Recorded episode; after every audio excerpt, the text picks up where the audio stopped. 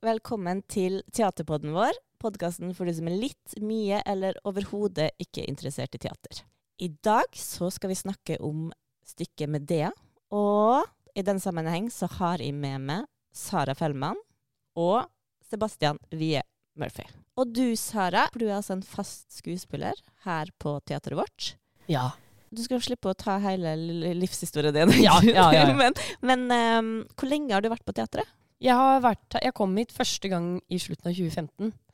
Eh, men jeg har jo vært her litt sånn til og fra i perioder. Eh, så jeg var her først på litt stykkekontrakt, og så ble det åremål. Og så hadde jeg et opphold på et år, og så kom jeg tilbake igjen. Og så var det fødselspermisjon, og da var jeg i Oslo en stund igjen også. Så da ble det nesten et år borte da. Eller det ble et år borte da. Så det har vært eh, ja, opphold her og der. Men eh, jeg har snart eh, tiårsjubileum siden første gang jeg kom til Molde. Det er sjukt at det er ti år siden 2015. Ja, det er ganske vilt, egentlig. Hvis vi skal gå der. Men hva syns du er det beste med å være en fast ansatt skuespiller på teatret vårt? eh, det er altså For det første tenker jeg det er utrolig flaks at det her er fast ansatt. Eh, fordi det er et eh, innmari hyggelig teater. Eh, det er et veldig godt teater. Eh, og så liker jeg at det er såpass lite at man kjenner alle som jobber her. Eh, og så er det veldig deilig å være fast ansatt, sånn generelt, med tanke på eh, økonomi og stabilitet og ja, særlig når man har små unger i huset og sånt. Ja. Jeg var Fordi- frilanser i mange, mange, mange år før jeg kom hit, så det er veldig deilig det der å slippe å drive og eh, måtte planlegge i hvert fall et år i fram, fram i tid.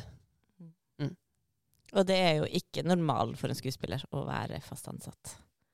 Nei, jeg, altså, nei, nei, det er jo flere frilansere enn det er faste. Det er det. det er det. Men det er flere faste enn man skulle tro. Men du må jo bo i Molde, da. Jeg må jo bo i Molde. Ja, Hva syns du om det? Jeg liker det godt, jeg. Du er jo Oslo-jente. Ja, jeg er fra Oslo. Eh, men eh, jeg blei veldig forelska i Molde ganske raskt etter at jeg kom hit. Kanskje ikke love at first sight, fordi jeg kom hit desember 2015. Ja. Og for de som husker desember 2015, det var, da var det mørkt. Og det var ikke noe snø. ja. Snøen kommer jo sjelden i, eh, i desember her. Ja. Men den kom for fullt i januar. Da ble det plutselig litt sånn Å ja, ja, ok. Da lysna det litt opp. Mørkt, ikke snø, og kanskje heller ikke da et nettverk med en gang. Ingen! Jeg kjente jo Lars, men Lars var jo ikke her. Jeg kom opp hit, og folk var sånn Å ja, ja, Molde, ja. Så, eh, unnskyld, altså, men folk sa Ja, Molde For jeg hadde ikke vært her før. Ja, Molde, ja. det er en stygg by, da. Men Lars er jo der! Så det blir jo hyggelig, det, da. Kom meg opp hit, og Lars var jo faen ikke her. Lars var jo på Teater Innlandet, han hadde permisjon, han. Så han, han var der for en produksjon, og koste seg ned på Østlandet. Eller Innlandet eventuelt, da. Uh, så jeg bare Hæ? Og, og det skal sies, altså. Min eh, eh, personlige situasjon var litt sånn off også. Jeg hadde akkurat eh, slått opp med samboeren min. Slått opp med samboeren. Gått fra samboeren min gjennom eh, Vi hadde vært kjærester i elleve år, og sånn, så det var liksom heftig opplegg. Veldig lei meg. Mye skyld. Og så vil du flytte til Molde. Ja, jeg kan være hvor som helst, bare jeg har noe å gjøre. Og så bare helt mørkt. Så da, da var det svart eh, en stund, altså. Men så kom snøen, og så kom lyset. Og så fant jeg endelig den fordømte veien til Varden. For du veit, når du kommer til Molde, og det er skilt Det mener jeg fortsatt. Det er skilt til Varden overalt. ja, det er sant. Så, så folk som ikke kjenner byen, og ikke veit hva Varden er, man blir helt forvirra av det. Jeg gikk så mye rundt omkring i byen her på jakt etter Varden. Mm. Tok lang tid før jeg fant den. Men du fant verden, Fant verden. og, og du fant kjærligheten på ny. Det gjorde jeg òg, Ja. etter en stund. Men Ja. det gjorde jeg òg. Ja. Men jeg, jeg ble først forelska i Molde, før jeg ble forelska i han jeg er sammen med nå. Godt å høre. Og vi moldensere, vi elsker jo å høre folk bli glad i Molde. Men uh, det sitter jo en annen person her òg. Sebastian, du er jo- er jo ikke moldenser. Altså, hvor du kom fra? Jeg kommer fra ei lita bygd som heter Nesna, på Helgelandskysten. Og hvorfor er du her? Nei, jeg fikk jobb her, da. Det er jo det er enkle svaret. For du har da vært her et halvt år cirka, Ja, og er altså ansatt som inspisient stemmer det. her på teatret. Men Mm. siden vi er i Moldesporet, så må vi nesten spørre deg òg. Hva var ditt første møte på Molde? Hvordan Mitt første møte med Molde? Ja, Eller hvordan syns du det har vært å komme hit? Um, nei, først og fremst var jo jeg her for to og et halvt år siden originalt og reiste med seilbåt og sånt. Så jeg har jo et originalt et sånn sommerlig seileperspektiv, eller sånn båtlivsperspektiv på egentlig hele regionen, da, men blant annet Molde. Da kom jeg tilfeldigvis hit samtidig som Moldejazz. Det var jo fantastisk liv og god stemning her. Så jeg var egentlig veldig positivt innstilt da jeg skulle flytte hit. Da hadde jeg jo egentlig det perfekte bildet av Molde. liksom Molde på sin topp. Sommer, fint vær og Moldejazz. Festival, ja. Festival. Altså sånn, det var um, så veldig veldig optimistisk da jeg kom hit. Men så kom jeg jo hit i oktober. Har vært her nå i desember. altså sånn, eh, Bare vinteren. uh, nei, men jeg er generelt positiv, positiv til eh, Molde da, så langt. Jeg er veldig glad i naturen her. Har du funnet veien til verden? Ja, den fant jeg ganske fort. Fuck, altså. Jeg har jo ikke retningssans heller. Men altså eh, Du er jo inspisient. Kan du bare fortelle kort hva gjør en inspisient på teatret? Ja, en inspisient er på en måte en slags eh, forestillingsansvarlig. Eh, gjennom prøveperiode så er man ansvarlig for at ja, kommunikasjon mellom de diverse partene skjer skikkelig, og at alle sammen har kommunikasjon. Jeg er bindeleddet mellom alle, på en måte. Og så under forestillingsavvikling så er det på en måte jeg som er ansvaret for at ting går riktig, at alt er på plass. Ja. Det er vel egentlig Det er egentlig verdens vanskeligste jobb. Ja. Eller for meg er det sånn Jeg, jeg kunne aldri, aldri, aldri vært inspisient. Jeg er altfor rotete til det. Jeg finner jo ikke verden engang. Uh, men uh, for meg er det sånn inspisienten må ha oversikt over absolutt alt. Ja. Hver eneste avdeling, og hvor er den kostymebuksa nå? Eh, selv om det ikke er ditt ansvar nødvendigvis, men du må vite om at alt er i orden. Men når det er sagt, Sebastian er veldig flink. Tusen takk. Veldig flink. Og selv om du er en in flink inspisient, så er det jo egentlig ikke en inspisient sin rolle å kunne kjempemye om eh, f.eks. nå da med Medea og gresk mytologi som blir tatt opp i stykket. Eh, så det er ikke i kraft å være inspisient eh, jeg er invitert hit. Det er fordi jeg har liksom hørt i gangene og forstått at det her har faktisk du litt peiling på. Men hvorfor har du det? Jo, nei, eh, da jeg begynte på min utdanning, på min bachelorgrad Som er? eh, Drama og teaterkommunikasjon ved Oslo OsloMet. Mm. Da var det første jeg gjorde i, form av faget, i, gjennom faget teaterhistorie, var å sette opp en, uh, vår egen versjon av Medea. da. Så jeg har jo på en måte allerede vært med å sette det opp, og da måtte vi se på det gjennom en teaterhistorisk kontekst. og måtte skrive en sånn fagtekst etterpå om det. Så jeg har liksom måttet sette meg inn i Medea. Men var det, kan jeg bare spørre, var det da læreren din sa at Medea ikke var noe vits å sette opp? Ja, det er helt sant. ja, en eh, teaterhistorielærer, veldig dyktig fyr egentlig. Men eh, etter å ha satt opp Medea, så snakka jeg om det i, eh, i teaterhistorietimen. Han mente man burde aldri sette opp Medea, for det finnes ingen måte å forsvare det å sette opp det stykket på. For det finnes ingen forsvar av Medea, mente han. Nei, ikke sant? Og hvorfor ikke? Nei, Han mente det fantes ikke noe forsvar, og man kunne ikke forsvare å drepe sine egne barn. Og da var det ikke vits i å Da var det ikke noe moral i historien som var verdt å fortelle. Og med det så tenker jeg, nå er vi jo inne, men kan dere da bare kort fortelle eh, hva Medea handler om? Og så syns jeg det sporet er veldig interessant, at vi kan gå inn på hva eh, Høre hva dere sier. Om dere er enig i den eh, læreren din eller ikke. Påstand. Påstanden, ja. Vil du fortelle kort om hva handlinga er? Ja, ja. Um, I utgangspunktet er vel uh, I greske, greske tragediene så er mye at man får mye informasjon. Mye har skjedd før selve forestillinga begynner, men det korte drag Medea er sammen med Jason. De, hun kommer fra et fremmed land og har kommet sammen med Jason til det? de har vel flytta til Korint, tror jeg. Korint er det vel de bor i nå. Men her har de har da fått barn sammen, flytta inn sammen, all, hele greia. Så har han gått fra Medea og blitt sammen med og blitt lova bort da, til eh, kongens datter. Eh, og dette er jo selvfølgelig en fæl situasjon for Medea. Så da gjennom forestillinga så planlegger hun å gjennomføre da sin hevn, eller sin måte å eh, hevne overfor Jason, som blant annet betyr å drepe alle som Jason er glad i. da. Mm. Både nye kona, kongen, Svigerfaren, ja. svigerfaren og det, det verste og det mest kjente drapene det er jo at hun dreper sine egne barn. Korte trekk. Og når du forteller historier sånn, så kan man jo kanskje skjønne hva han var inne på, fordi det er jo vanskelig å Det, det går jo ikke an å forsvare, øh, føler jeg, når jeg sitter her, å drepe sine egne barn, og det er helt uforståelig. Men hvordan kan vi se altså, Kan vi uh, prove him wrong, læreren din, liksom? Eller hva Jeg tror det. Uh, jeg tror det. Jeg tror det er verdt å sette det opp. Um, uh, og nei, man kan ikke forsvare å drepe sine barn. Uh, jeg hadde en interessant samtale på premieren, etter premieren, med noen som hadde sett det, som snakket om at 'jeg forstår Medea', sa den ene. Så sa den andre 'ja, jeg kan også forstå Medea, men det kan vi ikke gjøre ute i det virkelige liv'. Vi kan forstå henne inne i det teaterrommet. Det kan vi. Men vi kan ikke gå ut på gata i Storgata her og si 'jeg forstår med det', ja. Det kan vi ikke.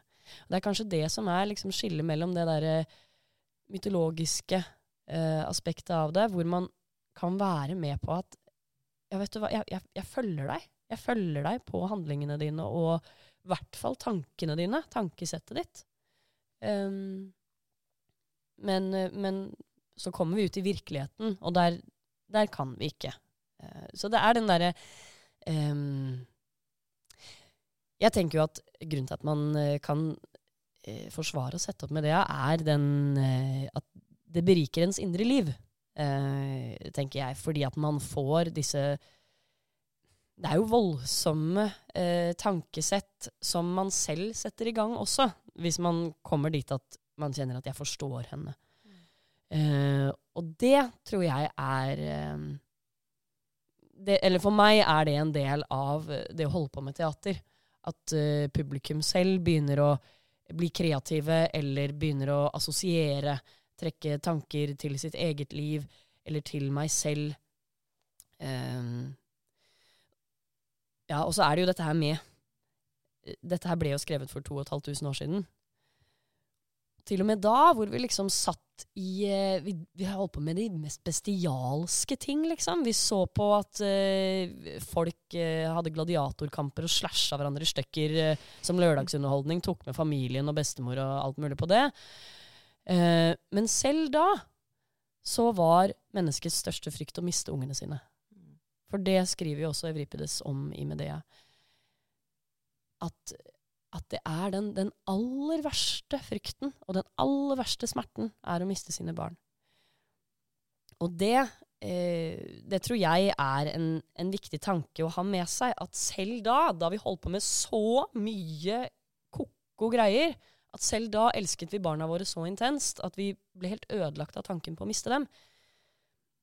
Det tenker jeg er en fin linje å dra fram til dagens samfunn, hvor det skjer så mye jævelskap rundt i verden også og den vestlige verden fort tenker at um, Ja, men noen ganger så må man ha sivile tap. Noen ganger så må man det.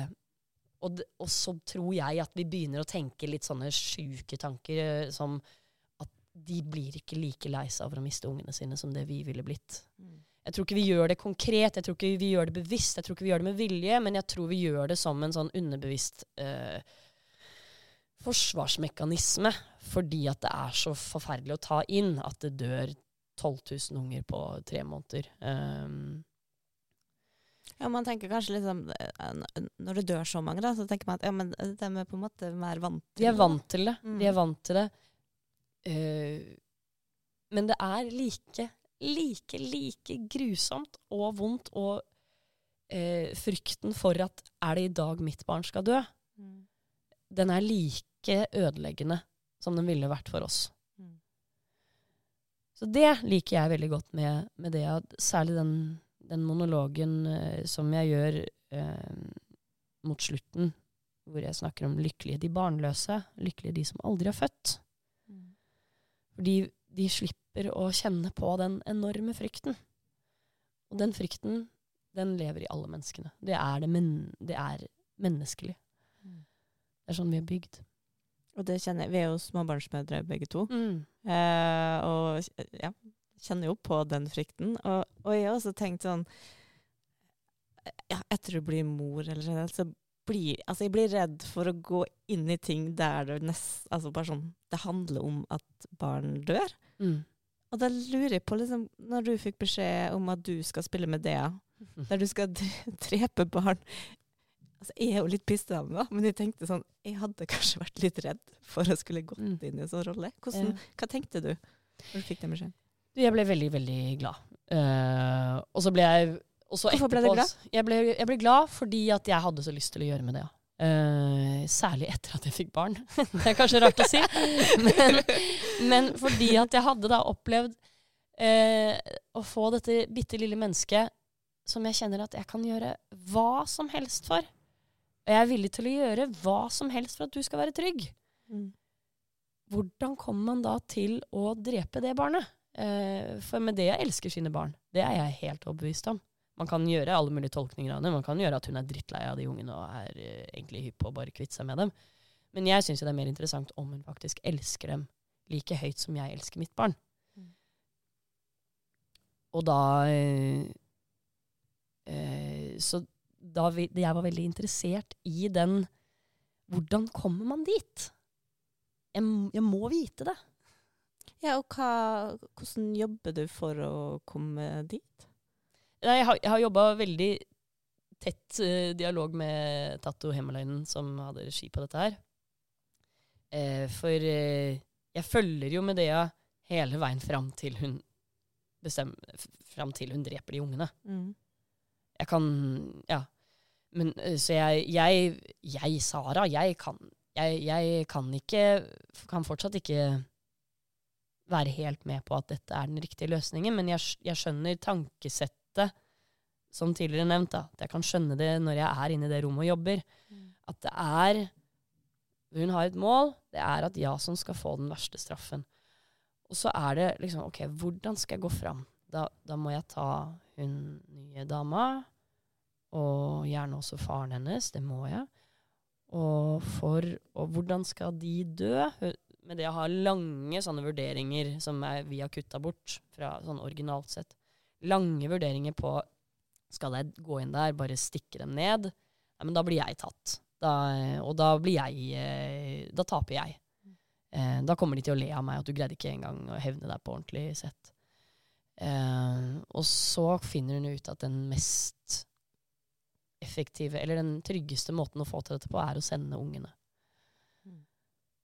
Nå må jeg passe på å ikke spoile og sånt, men eh, hun, ungene blir hennes våpen, da, kan jeg si. Ungene blir hennes våpen for å få til dette her. Um, og da finner hun det, det Det blir en nødvendighet. For hvis de ungene Hvis hun ikke tar dem, så er det noen andre som tar dem. Uh, så det, det blir en rekke av nødvendighet, men det drives jo av et helt vilt raseri Mm. og en enorm sorg. Og vi alle som har hatt kjærlighetssorg, veit jo hvor utrolig gæren du kan bli av det. Du kan bli helt spinnvill av det. Og det er faktisk en Det er dette med forelskelse, eh, sorg Sjalusi, som også er en sånn skambelagt følelse, som vi helst liksom det, det, nei, det, nei, nei, det må du ikke. Du må ikke gå inn i sjalusien. Mm. Det må du ikke gjøre, for det, det er jo en dødssynd, og det henger igjen fra det der dødssyndene. Eh, og at man blir nesten sett på som svak hvis man erkjenner at man er sjalu. Er faen, jeg er så sjalu at jeg ah, holder på å gå i stykker. Det er jo en helt jævlig følelse. Mm. Men det som er veldig kult med Medea, det er at hun er helt Ja, fy faen, jeg er sjalu. Å, fytti rakkeren, jeg er sjalu, ass. Um, Så Så- ærlig på sine følelser. hun. Ja, og hun står i det. Og jeg tenker med, med skilsmisser i dag, eller med når det er utroskap og sånn, så skal man Det kreves jo ofte som at man bare skal Ja, nå får du bare gå videre. Sånn er livet. Mm. Men herregud, bad i det derre sjalusi og raseriet, da. Gjør det hvis det passer, liksom. Hvis det, hvis det er det som passer deg. Ja. Og det er Men ikke la det gå for langt, som med det, ja. Det er ikke det jeg sier. Stopp før det er for seint. Eh, men en annen følelse jeg føler er litt eh, tabu, eller en, en handling, er jo det med hevn. Ja. Eh, og det med det jeg gjør, eh, ser jo jeg på som hevn. Eh, det, det med det jeg gjør, er jo hevn. Men hva, hva tenker dere? Altså, er, er det lov med hevn? Ja, det, det, det henger jo litt sammen med sjalusi, tenker jeg. Altså, eller de, de er beslektet med det derre at det er litt tabu. Mm. Skal ikke hevne deg. Um, jeg, jeg vet ikke, jeg, altså. Jeg, jeg, hva tror du, Sebastian? tror du det er innafor med hevn? Det, det, det er jo et uh, bredt spørsmål. akkurat. Er det innafor å hevne? Hevn i sin minste form er jo, må jo på en måte være tillatt. Mm. Jeg tror vi alle hevner oss sånn små, på sånne småting hver dag. Det er jo sånn du blir ikke, altså sånn, Hvis man ikke blir invitert til en bursdagsfest, så kan det at du ikke inviterer dem tilbake igjen. Mm. Kanskje det er en form for hevn, selv om de Mm. hadde en annen grunn for det. Mm. Um, men å ta hevn så langt til det går på bekostning av helse og liv, det er jo på en måte etisk vanskelig å forsvare. Mm. Mm. På den andre siden så elsker jeg jo Kill Bill-filmene. Bare er Det er hevn, det er hevn, det er hevn. Jeg skal faen meg ta dere én etter én etter én etter én. Det er litt det som med det jeg gjør også, Ja. bortsett fra at uh, Beatrix i Kill Bill ender opp med å få sin datter Ja. tilbake. Um, men det er noe realt ved det også, syns jeg. Det er noe jævla realt ved hevn. Det er forskjell på den mytologiske hevnen og det vi gjør i det virkelige liv. Men den derre følelsen av å ville hevne seg, den, den eh, lever i oss, og så er det jo opp til oss om vi skal undertrykke den, eller gjøre den om til noe annet. Det, den beste måten å få fred på, er jo av fred. Mm.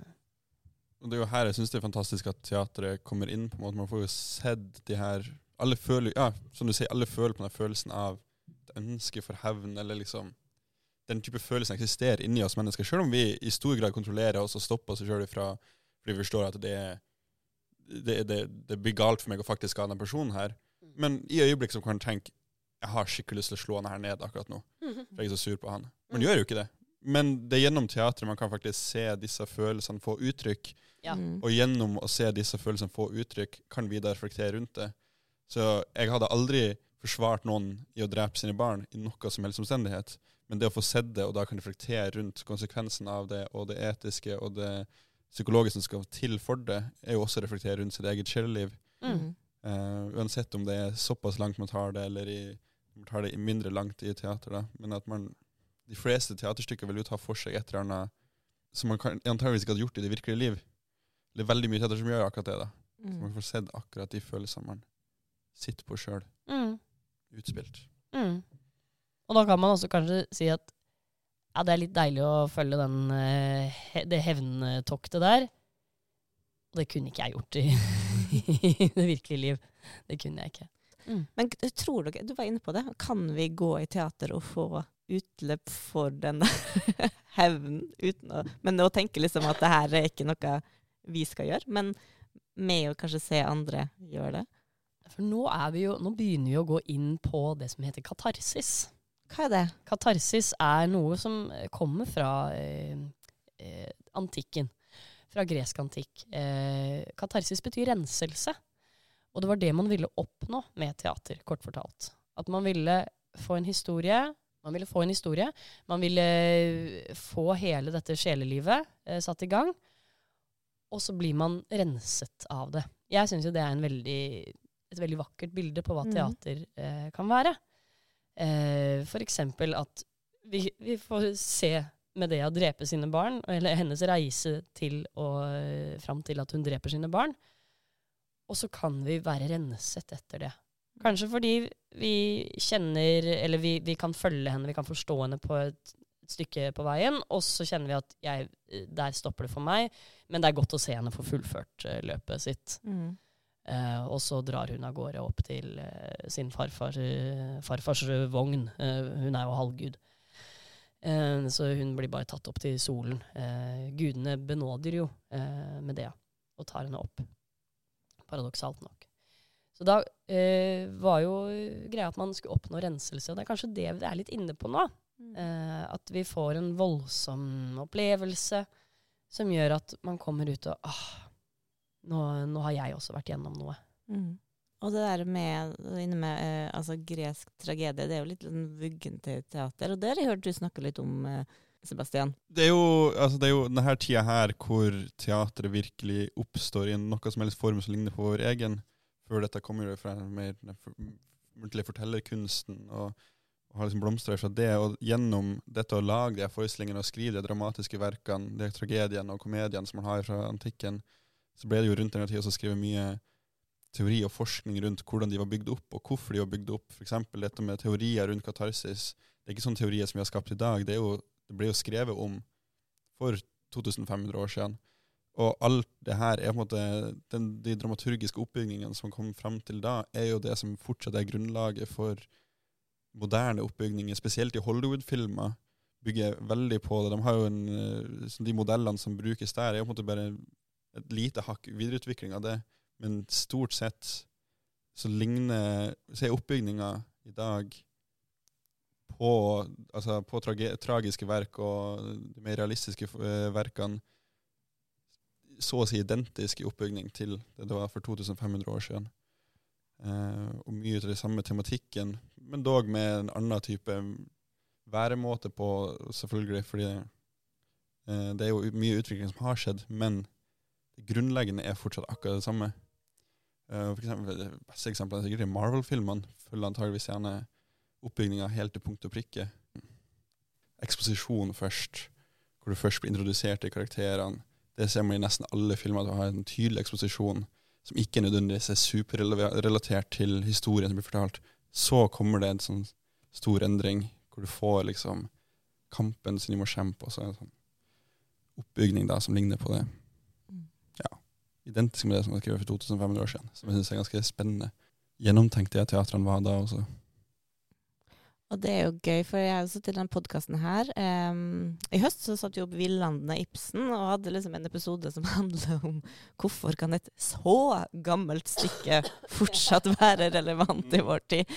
Og det er jo Altså, hvis vi skal ta en tidslinje, så er jo Ibsen Var er jo Ibsen samtidig altså, ja, Han er nyfødt. Ja, ja. Ibsen var i går, han. Men da er vi inne på det, hvorfor Nå går vi litt tilbake da, til din lærer. Hvorfor er det, hvorfor kan man det? Jeg tror altså sånn på enkelte vis så kan synes jeg nesten det virker lettere å angripe et såpass gammelt stykke enn Ibsen sin, fordi det er et eller annet med relasjonen man har til den tida. Min opplevelse mye av Ibsen, jeg har sett på det, det med, som yngre, jeg har liksom sett når man har sett opp Ibsen som om det er på slutten av 1800-tallet, satt i den tida det er skrevet på, så føles det så gammeldags ut, det føles så antikk ut for min del. Men når man kommer til den greske tragedien, så er det såpass gammelt at det her er mytologi igjen. Er, og det, det er plutselig spennende, for mytologi har på en måte er spennende. Det er noe helt, helt fjern, såpass fjernt at det er en annen, et annet univers. Mens Ibsen er liksom Det er fortsatt i, det føles ut som det er jo fortsatt vår verden, men litt grann, bare litt grann skilt av i vår verden, på en måte. Hva tenker du, Sara, som har spilt i Din forrige oppsetning var jo Villanden, Mm. og noe med det. Mm. Eh, for meg er det at det, det handler om menneskene. Eh, og det som vi var inne på i stad, det er vi, vi har ikke forandra oss så mye. Vi har bytta ut gladiatorkamper med reality og sosialpornografi i stedet. Eh, for vi vil ha noe eh, å slashe oss eh, rundt i på lørdager. Men vi, vi har ikke forandra oss så veldig mye, tror jeg, eh, med tanke på relasjoner. Eh, vi blir fortsatt like Vi elsker ungene våre like mye. Vi, vi blir eh, like rasende over svik, over utroskap. Eh, vi syns fortsatt det er helt forferdelig å forelske oss i en annen enn den vi eh, har gjort en avtale om å leve sammen med. Eh, det er jo disse, disse menneskelige følelsene som lager så mye kjemiske reaksjoner i hjernen vår. Det er jo eh, Det er vel det som gjør oss til mennesker, tror jeg. Altså at eh, Jeg vet ikke hvordan de andre artene på jorden holder på med det eh, følelseslivet. Eh, om de blir eh, Jeg vet ikke om dyr blir like sjalu, på en måte. Men det er jo det jeg syns er veldig spennende med menneskene. At de, de relasjonene og emosjonene som er knyttet opp til det, det, det, er, det driver oss så mye, selv om vi prøver å trykke det ned og gjøre oss eh, mer og mer sånn rasjonelle, da, rasjonaliserer oss selv, så er vi jo fortsatt veldig emosjonsdrevne dyr. Eh, så for meg han, ja, altså Man kan si at det, det, er gamle, det er veldig gamle teaterstykker. Og det er kanskje en sånn kneik å komme over og lese dem fordi at det er et gammelt språk, og det er, blir skrevet i bilder som er tunge å forstå og sånt. Og så, og så kommer du bare, hvis du kommer deg gjennom alle de skallene der, så ser du at oi, men det er jo, det er jo mennesker, dette også. Mm. Selv om vi med det er vi litt inne på gudeverden og sånt også, altså. Men, men det er mennesker. Mm. Eh, og det syns jeg er dritspennende. Eh, da, kan bli, da, kan det bli, satt til dagens eh, tid. Eh, samtid, heter det. Eh, uten noe nevneverdige problemer, mm. syns jeg, da. For ikke bare liksom, karakterer, men du ser, ser det også gjennom forfatterne. Både Evripides, som skrev Medea, og Henrik Ibsen, og oss som sitter her, er jo grunnleggende bare mennesker. Vi er jo fortsatt de grunnleggende samme skapningene, de samme naturbehovene. Um, behovet for uh, beskyttelse av de man er glad i, og alt det andre. Så de skriver jo rundt sine Både Ibsen og Evripides skriver jo rundt det de observerer i det menneskelige samfunn. Mm. De jo skriver jo rundt de følelsene som de har opplevd og sett i det menneskelige samfunn. Det menneskelige samfunnet er jo fortsatt grunnleggende. Det menneskelige samfunnet fortsatt en dag i dag. Mm. Selv om vi har nye ideer og ny teknologi og ny alt, så er hjertet vårt fortsatt på samme sted i stor grad. på en måte. Mm. Og det er det jeg syns som eh, teaterpublikum, at det er fint å gå og se på teater, og se at dem Altså, noe til, jeg tror det er mange som tenker at uh, det de føler, er unikt. ja. og den smerten, og det er liksom ingen andre forstår. Og så er det jo egentlig hvor like vi mennesker er, og det vi har følt på. Altså sånn der eh, sjalusi og hevn og redsel, alt sånn. Er det liksom Det er universalt. Og da man ser at tilbake òg, så lang tid Altså det var før, før, Jesus, for dem som tror på han. Um, så er det kanskje også fint å trekke paralleller til at uh, f.eks. Gaza. da, At man tenker at de tenker annerledes, de er annerledes. Mm. Deres smerte er kanskje ikke på vår måte. Så er det sånn mm. Jo, vi er faktisk Vi er mennesker, og inni oss er vi like. Mm. Og det tror jeg at hvis hvis vi greier å kjenne det, at vi er Nei, det er like vondt for dem. Det er da vi makter å mobilisere til å si vi, vi vil ikke ha det mer. Mm. Vi vil ikke mer. Uh, det er stopp. Uh, og sånn sett så jeg, jeg, har jo da et håp om at Sier jo aldri Altså, teater redder ikke verden, det tror jeg ikke. Men uh, jeg tror at teater kan gjøre noe med tankene til menneskene, sånn at man kommer mer i kontakt med seg selv, og kanskje i aller beste fall vil ha en endring, eller at man gjør et eller annet som blir til det bedre. Eh, jeg tenker, altså jeg er ikke for at man skal sitte og konkludere i en podkast, sånn men vi fikk jo en påstand eh, i starten, så jeg tenker at den som hører på da, eh, kan gjøre opp sin mening. You're challenged! Ja, Ved å ha hørt den podkasten, og så selvfølgelig gå og se teatret. Ja, kom og se teater. Det er også menneskelig. Vi har alltid villet ha historier. Alltid, alltid, alltid. alltid. Så vær menneskelig. Kom på teater. Takk for at dere kom. Takk for at vi fikk komme. Ha det Tusen bra. Ha det.